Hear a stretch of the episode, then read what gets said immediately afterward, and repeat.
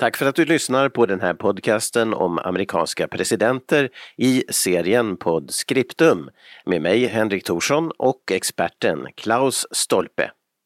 Om du vill läsa Klaus Stolpes böcker om Amerika och presidenter kan du hitta dem på boklund.fi.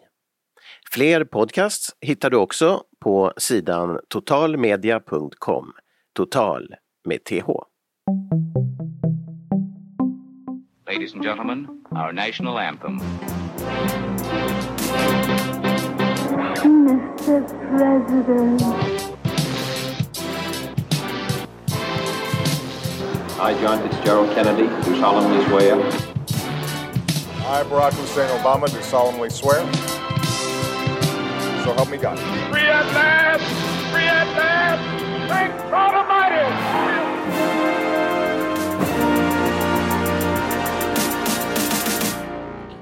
Välkomna till den här podcasten som vi just nu kallar för Mr President.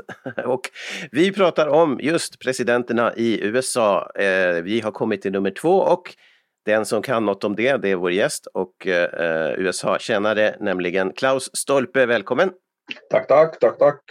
Ja, då har vi ju avverkat första presidenten på detta maratonlopp. Ingen har sagt att vi måste slutföra till 46 men vi har i alla fall avverkat en så vi är stolta över det. Och Washington var det ju naturligtvis vi hade då. Och en sak som jag tänkte på eh, sen sist vi pratade det är ju med Washington att han var född 1730. Det är jättelänge sedan. Han, som du beskriver det i texter och även så som du berättar, han är mytisk och han lever idag kvar i, i så väldigt eh, på något sätt levande ändå. Men han företräder ju en helt förgången tid, inte, inte det moderna Amerika som på något sätt han är symbolen för. Jag, jag tycker det där är intressant att komma ihåg att han var född 1730, det är ju liksom Karl den XII-tider. Ja, ja, ja, det var, det var, inte, det var inte går direkt. Inte så att, så att, men det är klart att första presidenten och det ger ju automatiskt, ett, eller nästan automatiskt, ett visst symbolvärde kring, kring det hela och speciellt eftersom han ju var väldigt betydande i kampen för självständighet innan dess också så att det är ju, det, det är ju sånt som liksom plussar på. Han hör till en helt annan tid, han är en krigshjälte, en frihetshjälte.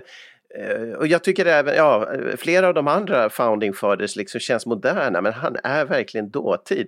Eh, borde man tänka så? Borde man justera sin syn på honom lite och tänka det att det är en sån där sagohjälte från förr? Eller vad tycker du? Alltså, ja, lite grann är han, jag förstår vad du är ute efter och lite grann är det ju så för att han, att det är den här mytiska bilden som man har skapat om honom som om han skulle ha varit någon slags jätteperfekt individ och jag menar ingen är ju perfekt så att eh, Mm. eh, jag menar han var ju en gammal man då liksom då franska revolutionen bryter ut till exempel. Han Mm. blev, blev sen, sen president, eller gammal och gammal men liksom med tanke på hur pass kort tid folk överlag levde på den tiden så var han ju liksom långt över, långt över genomsnittsålder. Ja, för övrigt, jag drog en parallell till franska revolutionen men också det är, ju, det är ju samma år som han själv blir president faktiskt också i USA, Ja, ja precis. 1789. Så att, Mm. Nej, men, bara, som, bara som kuriosa.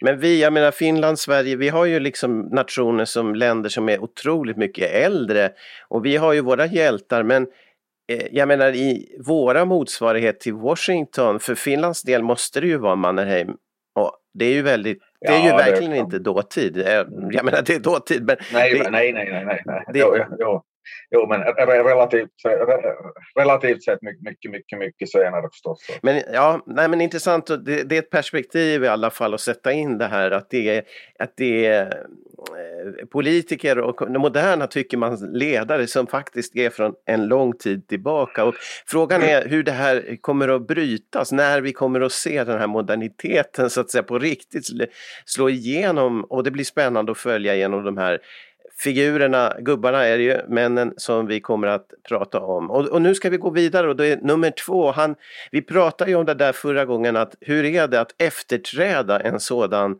eh, ja, galjonsfigur som Washington. Det är alltså nummer två som då kommer i skuggan av honom kan man säga, eller hur är det? John Adams. Jo, det, det är ju klart att det, det är ju ganska hopplöst att efterträda en sån där ska säga, mytisk figur som, som, som, han ju redan, som Washington redan på, av sin samtid eh, framställdes som. Så att eh, till och med på till och med på sin egen presidentinstallation så, så var ju Adams i, i skuggan av Washington. Att, att, att, men, men titta, där är George Washington. Alltså, ja, Okej, okay. för han var med då förstås. Ja, och... ja han var med. Också. Men, men eh, Adams kort, vad, vad hade han för bakgrund? Vad, hur seglade han upp? Han var också en av det här som vi kallar för, vad kallar vi det för egentligen? Founding fathers säger man i USA, vad säger vi egentligen? Mm, nationens fäder brukar man tala om ibland. Mm. Grundlagsfäderna skulle väl vara mer korrekt, men det låter lite, kanske lite mer knöligt det. Så att nation, nationens är väl en... Och ofta så används ju i dagens läge eh, den engelska benämningen som är så himla mycket annat. Alltså att, eh, mm.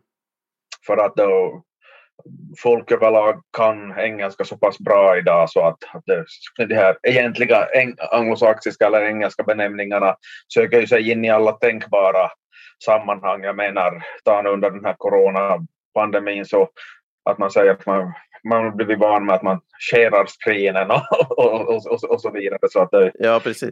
Men, men John Adams, vad är han då för en av figurerna av de här Founding Fathers? Hur hade han, var, var det så att han hade varit utomlands en del och uh, verkat egentligen? Han var ju jurist från, från början och, och, och väldigt sådär ak aktiv och bångstyrig mm. på många sätt, både på, på gott och på ont. Att, eh, trots att han liksom var sån här frihetssträvare ut i fingerspetsarna så att ändå så åtog han ju sig ett, ett väldigt intressant brottsmål var 1770 i samband med någonting som kallas för Bostonmassakern, det vill säga då brittiska, brittiska soldater hade blivit mm. provocerade av en folkmassa och eh, och hade till sist börjat skjuta för att ta sig i försvar. Det var några som dog och eh, det är ju ganska motsägelsefullt kanske i sig att, att de får John Adams som, som försvarare för att han, men att han var ändå väldigt mån om att saker och ting ska gå rätt till och det var helt, det var uppenbarligen så att de var,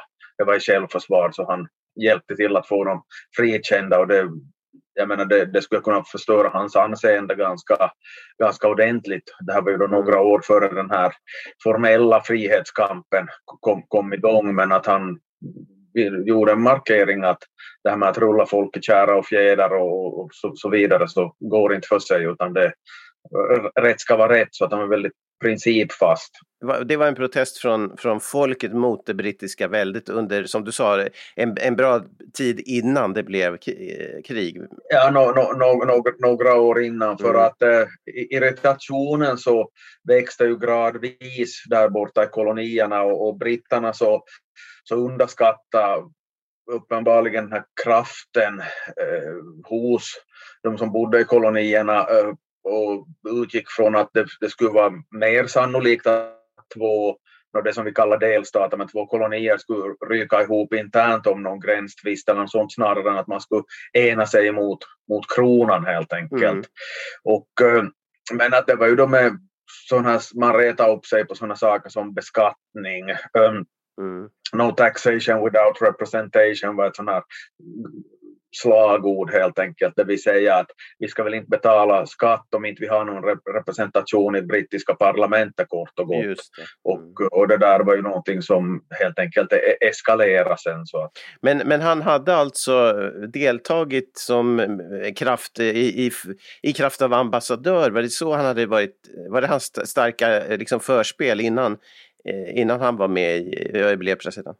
Ja, alltså han hade varit då ambassadör både i, både i Frankrike och, och, och, och Storbritannien eller England helt mm. enkelt. Mm. Så att, eh, och äh, även en sån grej så att den här freden i Paris 1783 så hade han ju varit med och, och, och förhandlat fram helt enkelt. Det vill säga då, då britterna till slut är, slutgiltigt erkänner den amerikanska självständigheten. Mm. När den fullkomnas ja i freds, Ja, för att det, det, det var ett, ett gäng, då var de fyra, fem stycken som, åkte, åkte över till Paris då och liksom kom överens om att, att nu, nu skakar vi hand på det här och så är, och så är saken, saken kirrad. Men vi, och vi pratade förra gången om det här lite komplicerade, egentligen inte alls komplicerade, men bara för att vi har en bild av partierna i USA på ett visst sätt så var det inte riktigt så då, så det blir lite så svårt att förstå. Men, men alltså han, hur var det med, med det här med partitillhörigheten och han, för hans del och förändrades partisystemet under under det att han kom in i det här, eller hur var det? Jo, för att det blev, det blev allt tydligare de här, den som tidigare har varit lösa kopplingar liksom kopplat till vissa enskilda personer så blev mer formaliserat helt enkelt. Att det fanns vissa sådana grundläggande idéer som gjorde att, att olika grupperingar skilde sig från varandra. Att, att mm. Adams då hörde till det här gänget som, som kallades för Federalisterna. Mm. Och uh, om man då vill kan man väl kalla dem för det första egentliga partiet då i, i, i USA. Det var sådana som helt enkelt upplevde, eller snarare insåg att man behöver någon form av förstärkt centralstyre om, om USA ska överleva som nation helt enkelt. För att det var, allting var så löst formulerat från början att det, jag menar delstaterna tryckte sina egna sedlar och de hade inte nödvändigtvis samma mått och, och längd och viktenheter och, och ja och så vidare. Så att, eh, och sedan det andra gänget som, som kallar sig själva demokrat, eller republikaner men kallas då i litteraturen idag för demokratrepublikaner även om det låter förstås helt, kan låta helt knasigt så de var ju mer måna om att äh, delstaterna skulle sköta sig själva helt enkelt och, och, att det inte skulle vara... Man kan ju i och för sig om man vill jämföra med diskussionen om på vilket sätt EU ja. ska, ska styras, att i vilken, i vilken mån ska de här enskilda länderna få bestämma själva och i vilken grad ska det beslutas i Bryssel eller Strasbourg hur man, hur man gör. Så mm. att eh, i den mån man kan dra en parallell med någonting som har varit flera hundra år tillbaka i tiden. Men att det, det, är ju ett sätt att belysa det på helt enkelt. Men, men, kan man tro, kan man tänka sig att folk som bodde i en viss stat då eh, uppfattade sig som, som att det skulle kunna vara ett, en eget, eh, egen nation? Eller var det hela tiden så att man tänkte att man var nog i, eh, i USA eller något sånt men man ville vara väldigt självstyrande som stat, eh, delstat? Um, Ja, alltså lojaliteten till den egna delstaten var ju nog uppenbarligen större än, än, än lojaliteten till, till USA. Mm. Där ser man exempel på längre fram också då vi kommer fram till inbördeskriget så blir då den här Robert E. Lee som var överbefälhavare för sydstatsarmén, mm. så han var ju då den, den han blev då från början tillfrågad om han ville bli överbefälhavare för nordstatsarmén. Mm för att han, han var tveksam till det där att, att södern skulle bryta sig ur men att, att han konstaterade att han kan ju inte liksom höja svärdet mot Virginia, sin egen delstat helt enkelt. Så att det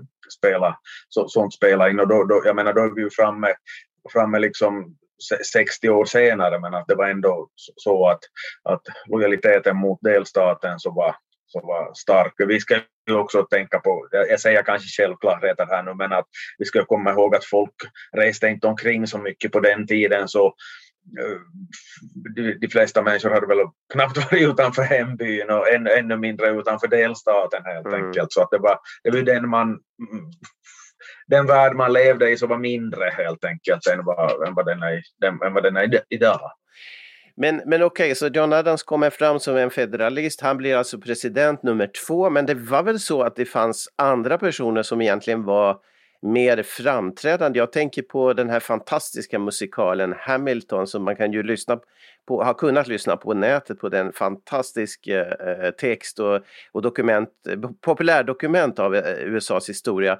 Till exempel Alexander Hamilton var väl egentligen den ledande federalisten Jo, då, jo, jo, jo, att det var väldigt långt kring honom som federalisterna, ska vi kalla det, uppstod, om vi, om vi säger så. Mm. Men att han, eh, det var ju lite lustigt med honom att han, han var ju inte valbar helt enkelt för att han var inte född i Ja, förstås, ingen, ingen var ju född i USA eftersom USA kom till 1776 mm. men att det är ju en, en president i, idag som måste ju vara född i USA, men egentliga formuleringen från början så var att man ska vara född i USA eller i de kolonier som, som eh, liksom tidigare ha- hade funnits och, och Hamilton var född i, i det här som idag väl heter St. Kitts and Nevis eller något, alltså någon sån här, alltså ute i Karibien Mm. så att, att han var ju inte, var ju inte infödd och därmed inte, inte, inte valbar. Han kunde ju ha en massa andra poster, finansminister mest känd som, men att, att, ehm, att skulle han ha varit född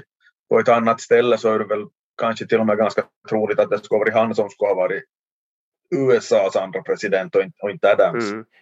Så hur hur gick det till med valet? Det var ju det här, vi pratade lite om det förra gången med de här två de här två valsedlarna man hade och sen möjligheten att sen bli vald, liksom att alla som har fått röster skulle väljas igen. Eller hur, hur funkade det här systemet nu och hur blev det för John Adams där? Ja, alltså grejen var ju att, att eh, det här är ju ett bra exempel på att de här founding fathers så tänkte ju inte i termer av partier överhuvudtaget Mm. och grundlagen skrevs så att man, man hade då ett sådant här system var, var varje elektor så fick två röstsedlar vardera och, eh, och då blev det så att den som blev nummer ett så, så blev vald och, och, och den som fick näst flest röster blev, blev vicepresident. Att, att det blev väldigt konstigt för att det är, ju, det är ju helt enkelt som gjort för att man ska få sin ja, vä- värsta fiende som, som vicepresident och det, det, är ju, det är ju knappast Mm. bra. En annan grej som ju också kan nämnas är att alltså som, som jättebra exempel på att, att man inte tänkte i termer av partier så var ju det här att, att, eh, att om, om ingen får en majoritet av, av elektorsrösterna så ska representanthuset få välja bland de fem som har fått, fått flest elektorsröster. Och det, det, Ah. det understryker ju att, att man,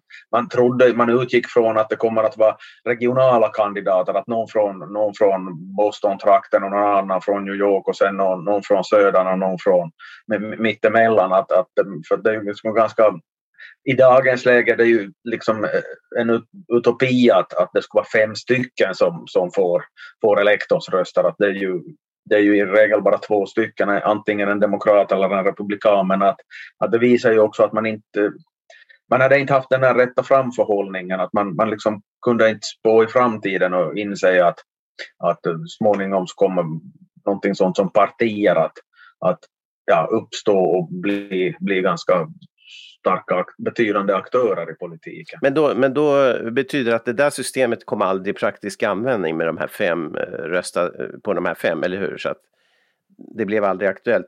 Nej, nej, nej, nej för att, att ganska, ganska omgående sedan så ändrar man det till att, att, att det ska vara mellan de tre som får flest röster och då vi kommer lite längre fram, eh, det vill säga då John Adams son blir, blir president, Just så då, då har man en sån här situation så att det, att det är fyra stycken som får, får elektorsröster och då, då, får man, då är det den här som är på fjärde plats som trillar bort helt enkelt och, och så får representanthuset välja mellan de där tre, tre andra. Men då är vi framme vid 1820-talet. Men, men ja, John Adams är andra president, men han är första president eh, som får en, en, släkt, en son som också blir president. Men det har, inte, har det hänt någon ytterligare gång i historien? Egentligen? Det som kommer närmast så är ju eh, familjen Harry som var det, var det liksom farfar och ja, sonsonen då som blir, blir valda. Den, den, där, där me- mellangenerationen blev Mm. inte president men att William Henry Harrison blev vald 1840 och sedan nästan ett halvsekel efteråt, 1888, så är det Benjamin Harrison som blir, blir det här eh, president. Mm. Familjen Bush så har vi ju Ja, ja. Sedan kan man ju nämna de här Roosevelts också. De var ju släkt med varandra men att de var ju inte en speciellt nära släkt Theodore Roosevelt och Franklin Roosevelt. Att, Mm, eh, ja, just det, precis. Ja, det, det är bra att poängtera, för det tror man kanske ofta. Men Säkert, sä, säkert. Alltså i själva verket så var det ju så att Franklin D. Roosevelts fru Elinor Roosevelt, så hon, hon var ju närmare släkt med Theodore Roosevelt än vad Franklin var. För att, för att Theodore Roosevelt var så var, var farbror åt henne, så hon hette ju Roosevelt som ogift. just det, de var sysslingar eller tremänningar eller något sånt där. Kanske. Ja, vad det nu blir, men Längre. att det, det, det, det är alltså nog liksom i åttonde led eller någonting. Så att, Men Adams då, eh, det var nära, det var nära elected majesty då genom att hans son blev president. ja, lite, lite, lite nog ja. Men, men det här med, som du nämnde då, grejen är att, att man får då som vicepresident får man sin, sin eh, eh, utmanare, det vill säga i det här fallet var det Thomas Jefferson och ja. eh, det var inte helt rosig, eh, rosig relation efter det där valet 1700, 96. tidvis så pratar de inte med varandra överhuvudtaget. Mm. Så det är, ju- jag menar, det är ju, det är ju, det är ju fiffigt. Ja, men man kan tänka sig att vicepresidenten hade kanske inte så viktig roll då eller? vad? Nej, och vicepresidenter överlag så har haft en ganska en anmärkningsvärt undanskymd roll. Det, det är ju nästan ot- otroligt för att vi ska ju ändå komma ihåg att en, en som är vicepresident så är ju ett, ett pistolskott eller ett hjärtslag från, från Vita huset helt enkelt. Mm. Så de borde ju de facto liksom vara väldigt involverade i, i alla beslut och sånt för att Mm. vara villiga att ta över med väldigt kort varsel och, Mm. och, och det har de mer, mer sällan varit helt enkelt. Vissa gånger så har det ju varit typ senatorer eller kongressledamöter eller guvernörer som har blivit tillfrågade om att ställa upp som vicepresident, vicepresidentkandidat men vägrar för att de har tyckt att, att det är som bara nonsens att då, då liksom tappar jag ju all min makt. Mm. Ja, så, så det finns inte direkt någon annan uppgift än att stå till, till buds när, om det skulle hända någonting eller rycka in? Mm, Ja, ord, viktigaste uppgiften, eller bara viktigaste uppgiften, men att det är en sån här formell uppgift som ju är väsentlig så är ju att vara ordförande i senaten och få utslagsröst där ifall en röstning blir oavgjord. Och Det här kommer vi att se de närmaste åren, säkert flera gånger därför att, att de är ju 50-50 Mm. och, och Just det. och, eh, och det är väldigt infekterat som, som, som vi vet mellan de här olika partierna så att det kan ju alldeles bra hända att, att en hel del omröstningar i senaten kommer att sluta 50-50 och då är det Kamala Harris som, som fäller avgörande helt enkelt. Mm, ja, just det. Eh, men eh, vi, vi- pratade förut om det här med, med kopplingen till Europa. Han hade varit ambassadör, han förhandlade freden i, i Paris. Och det finns ju vad vi nämnde också förra gången, den här eh, lite misstänksamheten att han, att han har eh, brittiska rötter och kanske egentligen är en sån här, alltså Adams talar jag om nu, eh, skulle ha en sån här koppling till, till England som skulle vara lite tjorvig och, och sen dessutom någon, någon historia om, om någon prinsessa och vad det var, att han skulle vilja bli just Maj- Majesty och hela den historien. Men, men var han alltså britt eller vad? Nej, alltså grejen är det att, att eh, då, då han tillträdde som ambassadör i, i England, han har ju varit ambassadör i Frankrike då tidigare, och då han skulle tillträda i, i, i England på samma post så, så blev han ju tillfrågad då av den här, av någon, någon liksom högre högre ämbets, brittisk ämbetsman att ja, till vilket skede så, så har att eh, eller typ din, dina föräldrar från England, nej, men farfar eller farmor, nej, nej, nej, nej. Och, och ja, men de måste ju som, i något skede har ni ju kommit över dit så sa, sa han bara att ja, men alltså, jag vet inte så mycket om det där, men att det finns alltså, jag försäkrar att det finns som inte en, en droppe blod i min kropp som, som inte skulle vara amerikansk och Mm. den är amerikansk och ingenting annat och den har konstaterat att jo tack, det har vi hunnit se, se exempel på ganska många gånger. Ja, precis. Så att, men att, eh, för att de, de i, i den mån den tidens släktforskning är, är pålitlig så det visar sig att, att hans släktingar hade kommit över redan omkring 1640 tror man så att, Mm. att de hade faktiskt, faktiskt varit där, där länge. Och mot den bakgrunden så är det ju som svårt att, att ta det som något annat än politisk smutskastning, att liksom misstänka den här kan för att han skulle eh, att det, man talar ju illa om honom att, han- att han vill egentligen att USA ska börja höra till, till, till England på nytt och att, att han ska bli någon slags vice vicekung i USA för att, att försöka få sin, eller få släkten, släkten på någon sån här stadigvarande post genom att eh, gifta bort någon av sina söner med en engelsk prinsessa men att det, är som, eh, jag har ju ganska svårt att tro. Fake news. Ja, precis. Där kan man väl tala om fake news. Och sen hette det också i den här samma, samma mytbildningen att, att, eh, att Washington skulle ha besökt honom tre gånger för att diskutera saken med honom och, John Adams vägrade att en gång så skulle Washington ha kommit i en, en vit uniform och en annan gång i svart, svart kostym och tredje gången så skulle han ha tagit på sig sin uniform från, från, från frihetskriget och, och meddela åt John Adams att han kör, genom, kör sitt svärd genom honom ifall, nå, ifall han försöker ställa till med något sånt där. Men att det finns ju Alltså, folk, folk hittar på vad som helst helt enkelt. Det gör man ju än idag även om det går att kolla saker och ting. Men på den tiden så var ju fältet fritt för att tala och skriva precis vad som helst. En sak när det gäller då eh, att han var en founding fathers. Det var någonting med att han, han ehm, eh, han uppgav fel dag för självständigheten till sin fru, har jag för mig. Eller? Jo, jo, ja alltså det var så att den andra ju, alltså USAs nationaldag är fjärde juli, 4 of July då, för att, för, för att fjärde 4 juli så, så är då nationaldagen. Men att två dagar tidigare så hade man röstat om att man skulle förklara sig självständiga och det upplevde Adams som det här viktiga datumet. Så han hade skrivit ett brev åt sin fru Abigail eller vad hon hette att, att, att den 2 juli så, så, så, så kommer att, att liksom firas med pompa och ståt de här hundratals år framöver för att det kommer att vara mm. USAs självständighetsdag. Men, men och i och för sig hade du rätt i att det var då man hade röstat om det, men, men grejen var ju att, att, eh, att det var två dagar senare så antog man formellt den här självständighetsförklaringen och, eh, och det, då valde man det datumet som ja, nationaldag helt enkelt. Så att det var en liten, liten miss där. Han hade... För, förutser fel sak. Men, men just i stridens hetta eller då när det hände så kändes det som en stor grej och därför, därför sa han det. Jo, liksom... jo, för att det var ju den dagen som det där brevet är daterat också. Att oj, oj vet du Abigail, att, att, att, vet du vad som har hänt idag? Att, att vi har förklarat, vi har bestämt att vi ska bli självständiga helt enkelt. Ja. Så att det var klart, det kan ju vara euforin över, över den saken. Så.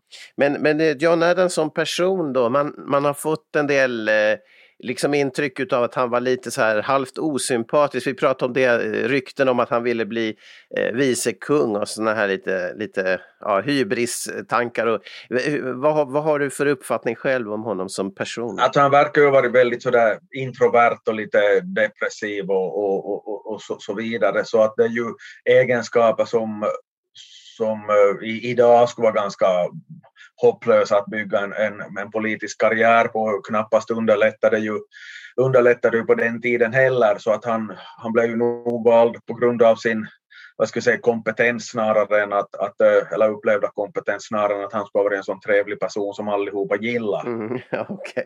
men, han, men han var duktig, skulle du säga, kompetent? Ja, alltså Jo, alltså han vågar stå på sig och klart det kan ju drivas in absurdum också men att, mm. att, att, att eh, jag kan ju ta som exempel så, så att hans mest populära åtgärd som president så var antagligen det som kallas för XYZ-affären. För att eh, det var, det var nämligen så att man hade skickat över en delegation till eh, till, till Frankrike för att föra förhandlingar med, med Frankrike om någon sån här långtgående fredsavtal eller vad, vad det nu var frågan om. Men att eh, då de väl kommer fram så var det så pass korrupt där i Frankrike så att det var tre tjänstemän som, som krävde en massa mutor för att de här amerikanerna ens skulle få, få träffa utrikesministern, Talleyrand hette, hette han. Mm. Eh, så att, och eh, då Adams fick nys om den saken, så istället för att, att liksom försöka lösa det på diplomatiska vägar så han gick ju i taket helt enkelt och gick ut med den där informationen att, att fasen se vilka dårfinkar vi har att, att, att göra med, att de respekterar inte, in, inte oss och, och så vidare och så vidare. Och då, då visade han ju prov på, på liksom att han hade ryggrad helt enkelt. Mm uh, ungefär samtidigt, så, så, samma år, så, så då, då, kommer, då står han för sin största politiska fadäs som, som president för att då, då eh, blir det så att man, man uh, inför en lag som heter Alien and Sedition Act och det handlar om att, att, att Adams påstår att det vimlar av franska spioner i, i, USA så att man, man, myndigheterna får rätt att helt enkelt utvisa på blotta misstanken folk som man tror att kan, kan liksom jobba för främmande makt mm. utan någon rättegångar eller någonting sånt. Men att det blir också ett, alltså, att man, man kan dra in tidningar för, för att de är, mm. ja, för att de skriver, skriver illa om, om, om, om presidenten eller regimen. Och uh, grejen är ju att det var egentligen det som det handlade om för att jag tror det var, var det så att ingen blev utvisad på grund av den där lagen men däremot så blev tidningar indragna och framförallt så blev det ju en viss självcensur eftersom man visste att risken är att skriver jag som jag vill nu så, så har jag ingen tidning längre. Mm. Så att, att, och, och det där så, jag menar vi talar om freedom of speech och så vidare men att det, det vägde ju ganska lätt i det sammanhanget och det, det, det liksom väckte ett ganska stort missnöje med, med John Adams och sannolikt bidrog starkt till att han inte blev omvald. Aha, just För att då Mm. han, försöker bli, då han försöker bli omvald sen så då förlorar han ju mot sin egen vicepresident men att det är ju med, med ganska liten marginal egentligen sett till antalet elektorsröster sedan. Mm. Men då, för, för att det, det, det där eh, Frankrike-skräcken var inte kanske riktigt eh, det, själva orsaken egentligen, menar du då? Att det kunde vara faktiskt att, att hålla pressen lite på mattan egentligen? Så, så, så verkar det. Mm. mm. Men att, eh, att det, det var ansträngda relationer mot Frankrike då just för att eh, efter den där XYZ-affären så, så blev det, blev det, det här en väldigt irriterat mellan dem. Där. Det, det kom aldrig någon krigsförklaring men att det kunde hända, hända sig att, att ja, franska och amerikanska fartyg kunde liksom angripa varandra om de stötte på varandra. Man, det finns en lite lustig benämning på det, man talar om quasi-kriget och quasi-war för att det var liksom det var sån krig light eller vad vi vill kalla Ja, det. just det. Okej. Just det. Mm. Men som person, du har beskrivit honom också hur han såg ut och han var inte så här jätte, eh, vad ska man säga, eh, ja, han hade inte passat så bra i tv kanske, om, om han hade levt Nej, det var lite sådär liten och trind och så, och, och så, så vidare. Och sen så hade han eh, no, vi talade här tidigare om att det här är ju en svunnen tid men han, han representerar också en svunnen tid inför delar av sin samtid för han, han tyckte väl om sådana här pudrade peruker Ja. och, och sånt som då, som då inte var riktigt modernt då, då mera utan det ansågs som någonting, ja det var lite förlöjligande. Man kan ju också, nu, nu liksom fabulerar jag kanske här, men man kan ju också tänka sig att i ett USA som just hade blivit självständigt så kanske också det fanns ett litet sån här socialt tryck på att, att man ska finna sin egen väg så att allt som nu påminner om något sån här hovliv i Europa så var förkastligt på, liksom per definition. Mm, just det. Så att man, man kan ju tänka sig att just så, sån här eh, maner som några sådana konstiga peruker eller no, no, no, no sånt så, så föll inte i så god, god jord där för att heja vi ska inte, vad har vi för orsak att ta efter brittiska hov eller någonting sånt att vi, vi, är, Mm. vi är en republik och, och, och därmed jämt och då ska vi hitta vår egen väg. Känsliga signaler liksom.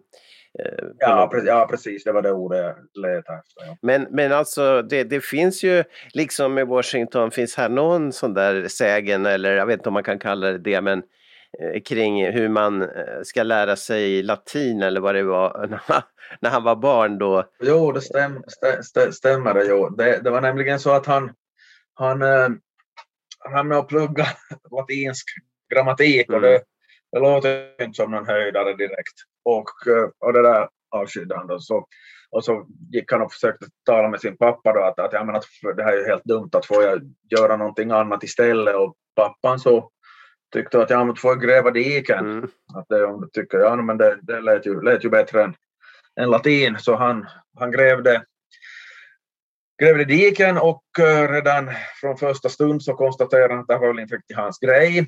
Men att han var så pass envis så att han, han grävde diken i två dagar i alla fall. Okej. innan han konstaterade att ja, kanske, det med, kanske det fanns någonting med latinsk grammatik i alla fall.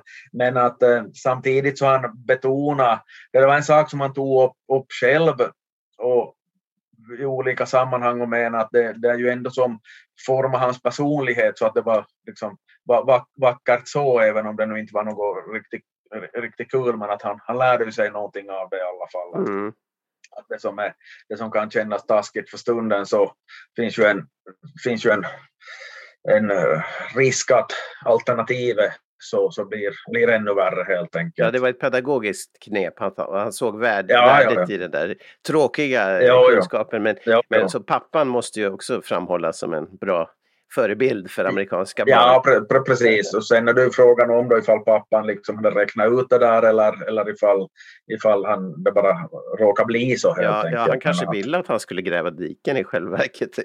Ja, det, det kan, kan, kan, kan ju hända. Det kan ju hända. Men, eh, men, men att då, då ägnade han sig åt latin, men, men för den skulle kunde han inte franska eh, för att han var det, det var så att han måste lära sig franska då när han kom till Paris eh, sen som ambassadör. Visst? Ja, då han kom till, kom till Paris då som ambassadör och gjorde sitt bästa då för att lära sig franska och så blev han då tipsad om att det finns, att det finns två sätt förutom då att liksom plugga men att två, de, två enklaste sätten så är att antingen att, att gå och titta på komedier, franska komedier, alltså teaterpjäser, eller skaffa sig mm. en älskarinna. Och, och han blev mm. tillfrågad vad han tror att det är liksom ett, ett fiffigare sätt och han konstaterar att ja, det mest fiffiga är väl att en kombination av båda, att, att både ha en, en älskarinna och och det här en, och gå och titta på de här pjäserna. Men han konstaterade för egen del att han föredrar de där pjäserna Uh, han hade inte behov av någon älskarinna och, det, och, och, och, dessutom så upplevde han då att uh, språkbruket kanske kan bli lidande ifall han väljer det andra alternativet så att, att det var bättre med teaterpjäserna helt enkelt. Han var riktigt pragmatisk och det var, det var språk, in, franska lärare, ja, ja. franska studier det handlade om, inget annat. Så då kunde han få ett dålig franska om han lärde sig gatans språk så att säga. ja, ja, precis. Den här uh, personen då, John Adams, har ju faktiskt varit föremål för för en populär satsning då när det gäller en tv-serie faktiskt som finns på HBO. Man kan se den.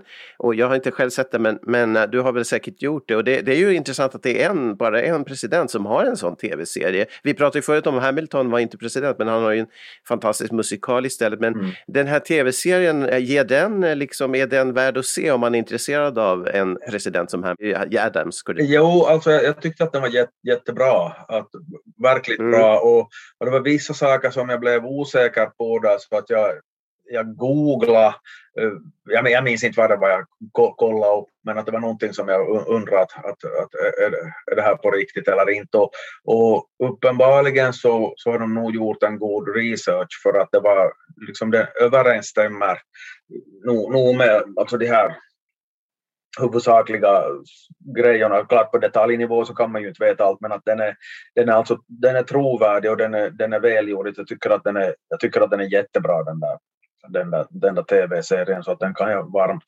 varmt rekommendera. Mm. Ja den är ju, nu har några år på nacken, 2008 tror jag den är ifrån. Och, ehm, eh, men att göra en eh, be berättelse om Adams tycks då var, finnas en poäng med det. Vad uträttade han som president? Skulle det, kan man säga någonting om det?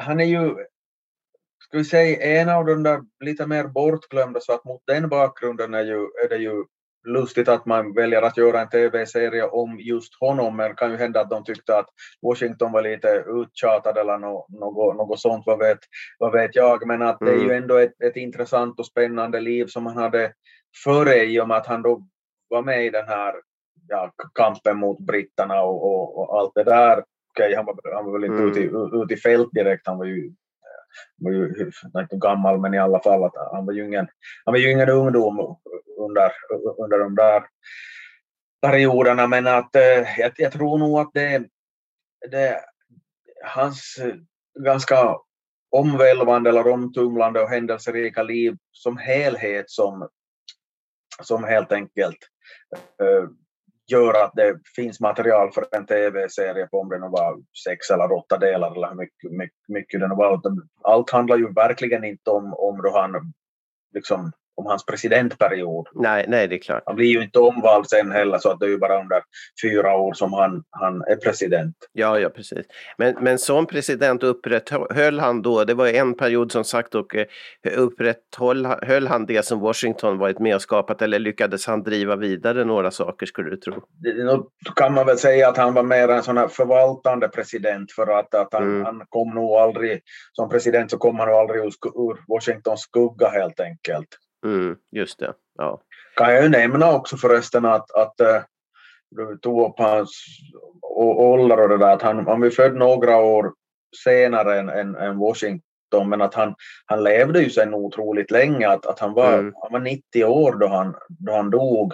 Och mm. uh, det tyder på att han, han måste ju rimligtvis ha varit en av världens äldsta personer i det skedet då han dog, för folk levde ju inte så länge förr. Mm, och nej, äh, en kuriositet med, med det där är att han, han dör på USAs 50 nationaldag, alltså äh, 4 juli vad blir det, 1826 så, så, så dör han. Och, det, och då var ju alltså, han var ju född 1735 så han skulle ha fyllt, han skulle ha fyllt 91 senare samma år om han skulle ha levt, levt tillräckligt länge, men att, eller levt en, en tid till. Men det lika intressanta här är ju att, att hans rival och efterträdare Thomas Jefferson så dör samma dag. Ja. Och, eh, och, och, och jag menar sånt, sånt går, går ju att kolla. Klart de kan ju förfalska dödsattesterna för att få, få det att klinga lite bättre att oj den stora patrioten dog på, på 50-årsdagen av, men att det, det, där uppenbarligen var vedertaget. Och, Mm. och den här, det är lite lustigt med den här eh, konkurrensen eller rivaliteten mellan de här båda för att, att, att John Adams sista ord så, så ska ha varit att, att, att Jefferson still survives, alltså att fasen också, att, han, han, han vann den här gången också, att han överlever mig. Men det visade sig att, att, att det var fel därför att Jefferson hade dött tidigare på dagen helt enkelt. Jaha. Men tänker, det kunde ju inte det, det kunde ju inte, det fanns ingen text-tv på den tiden så John Adams kunde inte vara medveten om den saken för de, borde- de bodde ju inte grannar heller så, så, så att, så Nej, att precis. där, där hade han fel.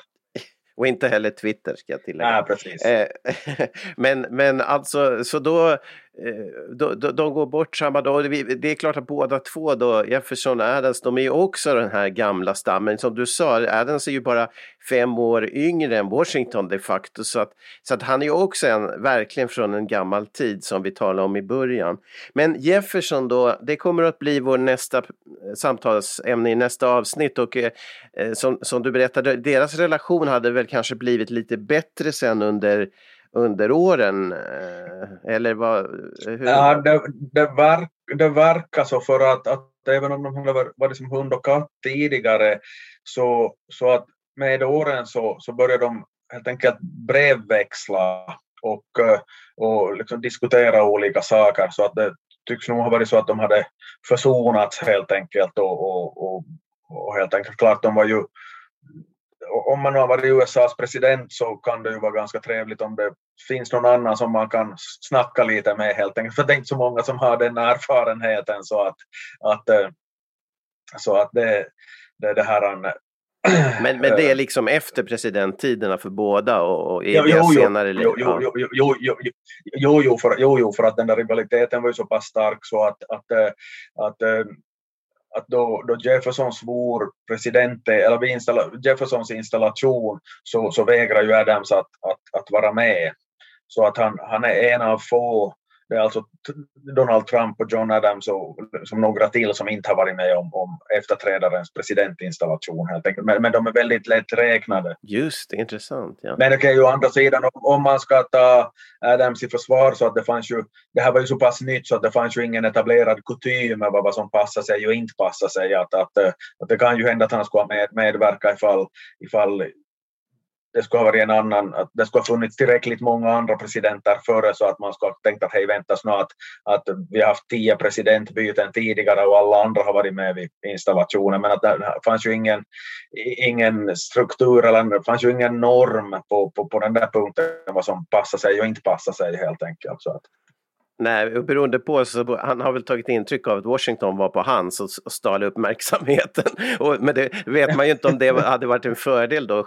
Om, han hade kanske inte kunnat stjäla den från Jefferson och det var det han insåg så han uteblev. Nej, kan, kan, kan, kan, hända. Men eh, Adams då som president betraktat i din utvärdering, och ligger han, var ligger han? Det låter ju inte som han ligger särskilt högt. Nej, nej, nej. Alltså, han hör ju inte till någon av de här katastroferna, det, det, Mm. det gör han ju inte, men att, att eh, han är ju nog på en ganska sådär blygsam plats i, i presidentrankingen om vi, om, vi, om vi nu uttrycker det den vägen, för att, att eh, det finns ju alltså en, en jag tänkte säga uppsjö, men att det finns ju, finns ju en hel del sådana som är är liksom verkligt dåliga helt enkelt av, av, av olika orsaker. Ska vi säga de, de som var just före inbördeskriget och strax efter så, så var ju inte riktigt bra. Alltså de är undantag för Lincoln men att, att där är en hel drös med, med historiska misslyckanden och likadant de här som var på under mellankrigstiden, de som valdes på 20-talet, det var tre olika gubbar och de var, de var liksom på olika sätt så, så var de dåliga eller mi, mi, mindre lyckade helt enkelt. Och sen har vi någon sån, sån som Nixon som blir praktiken borttvingad från presidentämbetet. Så att det gick ju inte så illa för, för Adams men att redan det att han, att han inte blev omvald så, så är ju lite anmärkningsvärt i sig för att de, de flesta presidenter på den där tiden så, så, så, satt ju i, så satt ju två perioder helt enkelt. Ja, ja det, man förväntade sig kanske det i och med att Washington redan hade, hade gjort på så, gått med på det själv också. Ja. Men ja, intressant. När det gäller då nästa avsnitt, Jefferson, hur är det med, med han? Vad har vi att se fram emot? Är det en president som blir långvarig? Eller hur ja, han blir, ju, han blir ju vald under extremt dramatiska omständigheter år, år 1800 därför att då, då blir, det blir ju nämligen oavgjort mellan honom och, och hans tilltänkta vicepresident. Så att det, det, det är ju väldigt konstigt och det är ju då man inser att man måste ju ändra, ändra system på, på, på det här sättet att utse president för att det blev ju, det blev ju helt konstigt det där helt enkelt. Och, eh, och sedan eh, då han blev vald andra gången 1804 så att det är ju inget snack om saken därför att då har han ju köpt det så kallade Louisiana-territoriet av, av Napoleon så att USA har ju blivit dubbelt större liksom utan att man har behövt eh, idka någon krigföring alls eller något, något sånt. Så att det är ju, det, han, är ju, han, blir ju som, han blir ju den vägen en ikon. Och, och, ehm, och det är ju klart att det där påverkar ju säkert också åtminstone indirekt John Adams ställning i historien för att, att han är ju då så att säga inklämd mellan två av de mest kända presidenterna, Washington och Jefferson och då är det klart att då, då framstår han ju som ja, vad ska vi säga, sämre än, än vad han egentligen var. Om vi tänker oss det här världsberömda monumentet Mount Rushmore, var man har, ja, har de här ansiktena av en del kända amerikanska presidenter uthuggna i, i, ett, i ett klippblock. Eh, och, eh, och det är ju då, där är ju då både Washington och Jefferson är ju med där helt enkelt. Det säger ju någonting om, vi kan höra att att bli jämför, jämförd med av, av dels sin samtid men också, också efteråt. Ja, ja, det var ju eh, på så vis fint att han fick en tv-serie då ganska många år, 200 eh, år efteråt, drygt 200 ja, år efteråt. Då han, inte fick vara med på, då han inte fick vara med på Mount Rushmore så, så det är trevligt ja. om han blir, får, får, får en tv-serie i alla fall. Ja, precis. Eh, nästa avsnitt blir det Thomas Jefferson för hela slanten. Tack Klaus Stolpe, det var fantastiskt och eh, ha det bra. Ja, tack, tack själv, tack själv. Du har lyssnat på podcasten Mr President och du kan hitta fler avsnitt och andra samtalsprogram på sidan totalmedia.com. Vill du läsa Klaus Stolpes böcker om USA och presidenter så hittar du dem på sidan boklund.fi.